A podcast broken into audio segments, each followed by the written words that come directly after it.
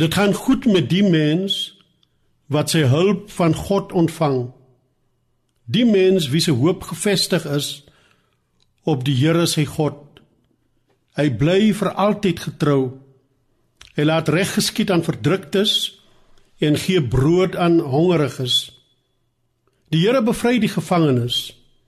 Die Here laat blindes sien. Hy ondersteun die wat bedruk is. Hy beskerm vreemdelinge en help weeskinders en weduwees. Genade en vrede vir julle van God ons Vader en die Here Jesus Christus. Die lofsang kom uit Sion se gesang 43.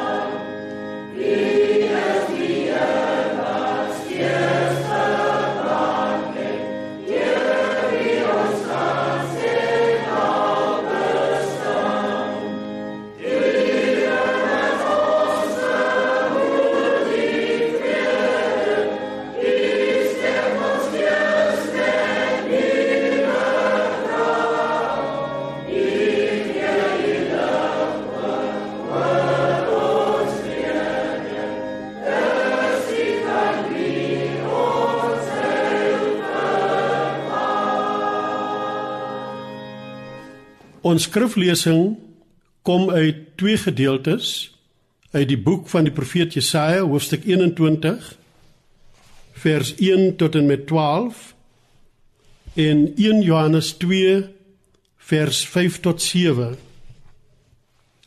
Ek lees nou vir u voor uit Jesaja 21 vers 1 tot en met 12. Hierdie boodskap het na my gekom oor Babel Rampe storm uit die woestyn op jou af soos dwarrelwinde wat deur die Negev woestyn waai. Ek sien 'n skrikwekkende visioen. Ek sien dat jy geplunder en verwoes is. Gaan aan, mense van Elam en Media. Neem deel aan die beleg. Babylon sal val en die gekla van die nasies wat deur haar verslaf is, sal ophou. My lyf pyn soos die van 'n vrou wat besig is om geboorte aan 'n kind te gee. Ek is platgeslaan deur wat ek hoor en verskrik deur wat ek sien. My hart steier. Ek is bang. Ek wens dat ek kan slaap, maar ek is te bang. Hulle maak reg vir groot fees. Hulle gooi matte uit vir mense om op te sit.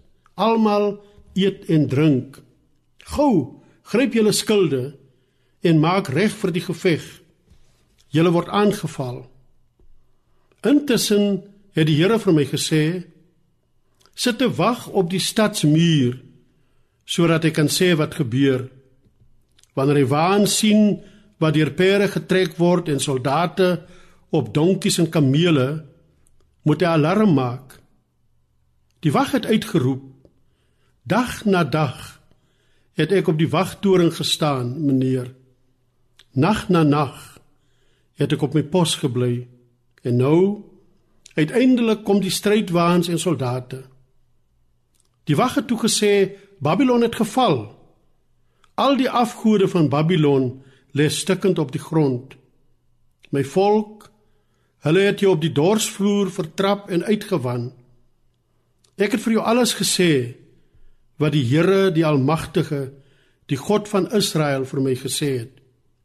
Hierdie boodskap het na my gekom oor Duma, Edom. Iemand van sy hier af hou aan roep na my. Wag. Hoe lank voor die môre aanbreek? Wanneer is die nag verby? Die wag antwoord: Die môre het aangebreek, maar net daarna kom die nag. As jy weer wil kom vra, kom terug en vra maar uit 1 Johannes 1 vers 5 tot 7. Dit is dan die boodskap wat ons by hom gehoor het en aan julle meedeel. God is lig en daar is hoegenaamd geen duisternis in hom nie. As ons dan sê dat ons deel het aan hom, maar in geestelike duisternis leef, is die waarheid nie in ons nie. Ons optrede weerspieël nie die waarheid nie.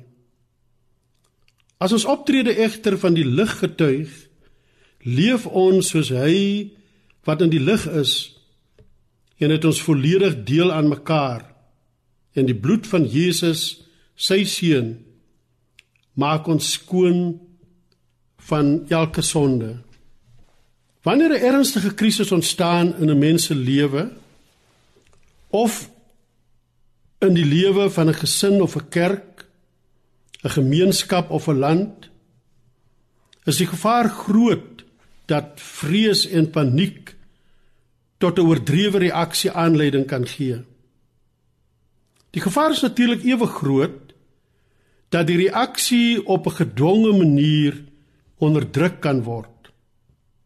Is dit moontlik om in 'n land soos Suid-Afrika of te heftig of te gedempt te reageer op die ernstige sosiale kwessies wat mense bekommerd, angsbevange en wanhoopig laat?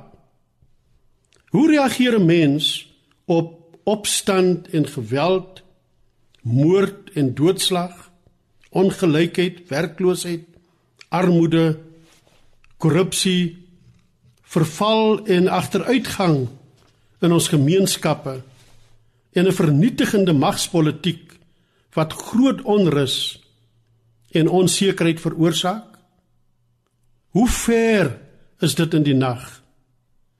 Jare gelede in die tyd net na die Tweede Wêreldoorlog het Beyersnodee 'n preek gelewer oor die einste teks uit Jesaja 21 vers 11 met die vraag: "Wagter, hoe ver is dit in die nag? Wagter, hoe ver?" Hy beskryf die situasie soos volg: 'n Mens voel dat jy eerder 'n sluier wil trek oor al die smart, oor al die treurigheid en rou. Weerlose vroue, kindertjies, oues van daai siekes en swakkes wat met doonloos wreed onmenslik gelei het. Familielewe is opgebreek. Mense is weggevoer van huis en land, verteer van verlange, opgevreet van angs en vrees oor die verskrikking in die nag en die dag, totaal geknak en verwoes. Voorwaar 'n nag van onbeskryflike menslike lyding en pyn waaruit ons ontwaak. Die digter profeet van Jesaja 21 gebruik self sterk beelde om die onstuimige tye van 680 voor Christus te beskryf. Die toestand van Juda en Israel se bure is ernstig. Oor Babylon sien die digter warrelwinde wat oor die Negev woestyn waai. Wat Babylon tref is soos 'n tornado wat die sanderige, dorre stof van die woestyn meevoer. En asof dit reeds duidelik is om te sê daar word geplunder en verwoes en verraai nie, sê die digter nadruklik dat die plunderaar plunder en die verwoester verwoes. en die verraaier verraai. Die digter sou goedskiks sonder omhaal van woorde kon sê Babylon het geval. Die een wat in eie krag wou opklim hemel toe is verslaan. Die een wat vir sigself 'n roemryke, onvergeetlike naam wou maak, is oorwin. Babylon die hoogmoedige het verstik aan sy eie grootheidswaan. Die groot kokkedoor het geval. En wat op die oog af na 'n suiwer politieke gebeure lyk, is eintlik die uitslag van die stryd tussen die God van Israel en van Juda en Babylon.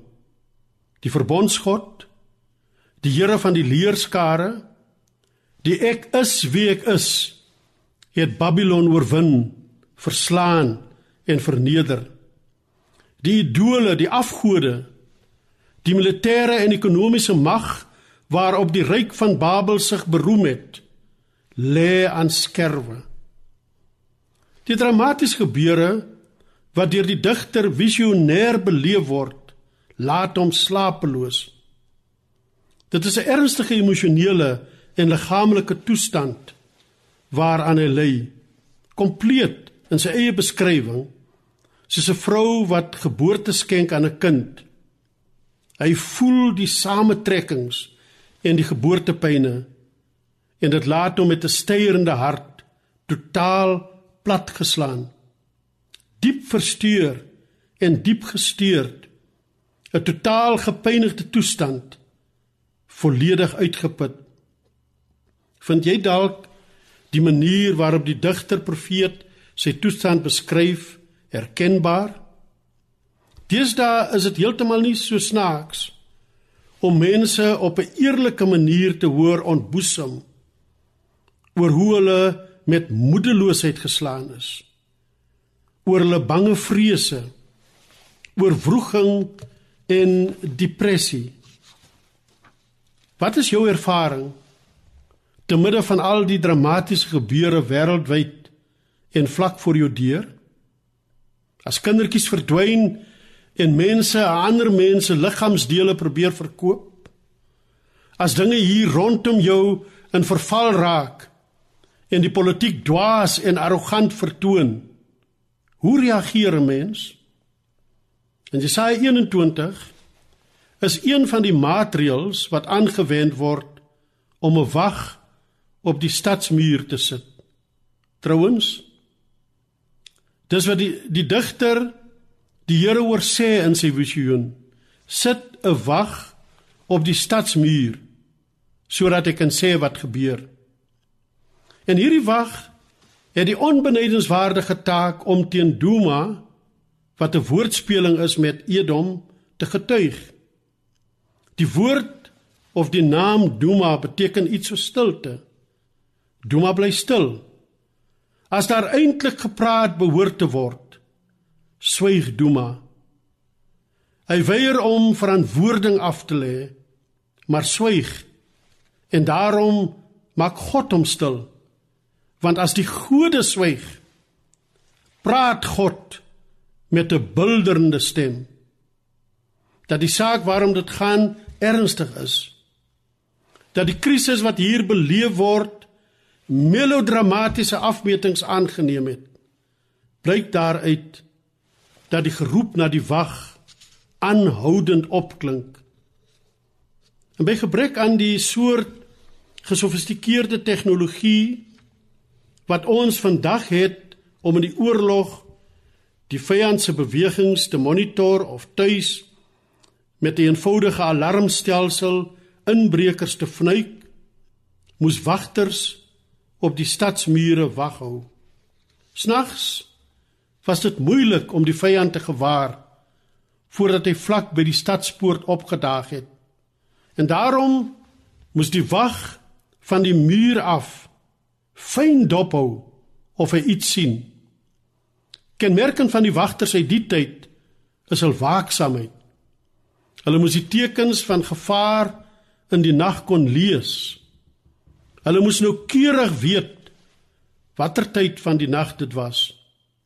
En daarom was hulle taakomskrywing iets soos kyk noukeurig, kyk diep, kyk aanhoudend of jy iets gewaar. Want die Here eis nie slegs die lippe of die mond van die wag, die digter profeet op nie, maar ook sy oë. Sy oë moet waarheid oop wees vir die gebeure wat op die punt staan om deur te breek. Maar die wag van die Here moes uiteraard ook praat. Hy moes so noukeurig as moontlik verwoord wat hy sien. En daarom formuleer die wag uit Jesaja 21 'n bondige duidelike antwoord op die vraag: Wag, hoe lank voor die môre aanbreek? Wanneer is die nag verbrei? Hy antwoord dan: Die môre het aangebreek, maar net daarna kom die nag. In Suid-Afrika is dit al asof die kerk en die teologie telkens weer aan die slaap gevang word. Of sou dit korrekter wees om te sê aan die slaap gesus word? Al waai die verwoestende warrelwinde. Al word daar om elke hoek en draai verraad gepleeg. Al val die dinge ook uitmekaar en al het die lewe goedkoop geword. Maar dalk roep die Here die kerk en die teologie juis nou om noukeurig na te gaan wat in ons samelewing aan dit gebeur is. Miskien word jy en ek juis nou uitgedaag of vriendeliker dalk uitgenooi om saam met ander gelowiges te vra na die soort tyd wat ons nou beleef om met mekaar weer te leer lees wat die tekens van die tye is en die dinge God se dinge waarop dit aankom te verstaan en te verwoord. Miskien is dit die Here se bedoeling dat ons die kairos nie mis sal kyk nie, maar sal verstaan dat die tyd swanger is aan baie groot gevaar, maar te, te gelykertyd ook aan wonderlike geleenthede om vir verzoening met geregtigheid en vir vrede te bid en te werk.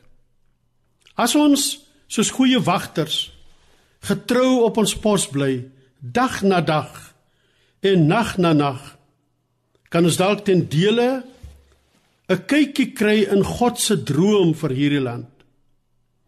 So begin ons dalk te verstaan watter krisis ons beleef en watter hoop ons mag koester. Wag Hoe lank voor die môre aanbreek? Wanneer is die nag verby? Die boodskap van Jesaja 21 is daarom nie net 'n doemboodskap nie.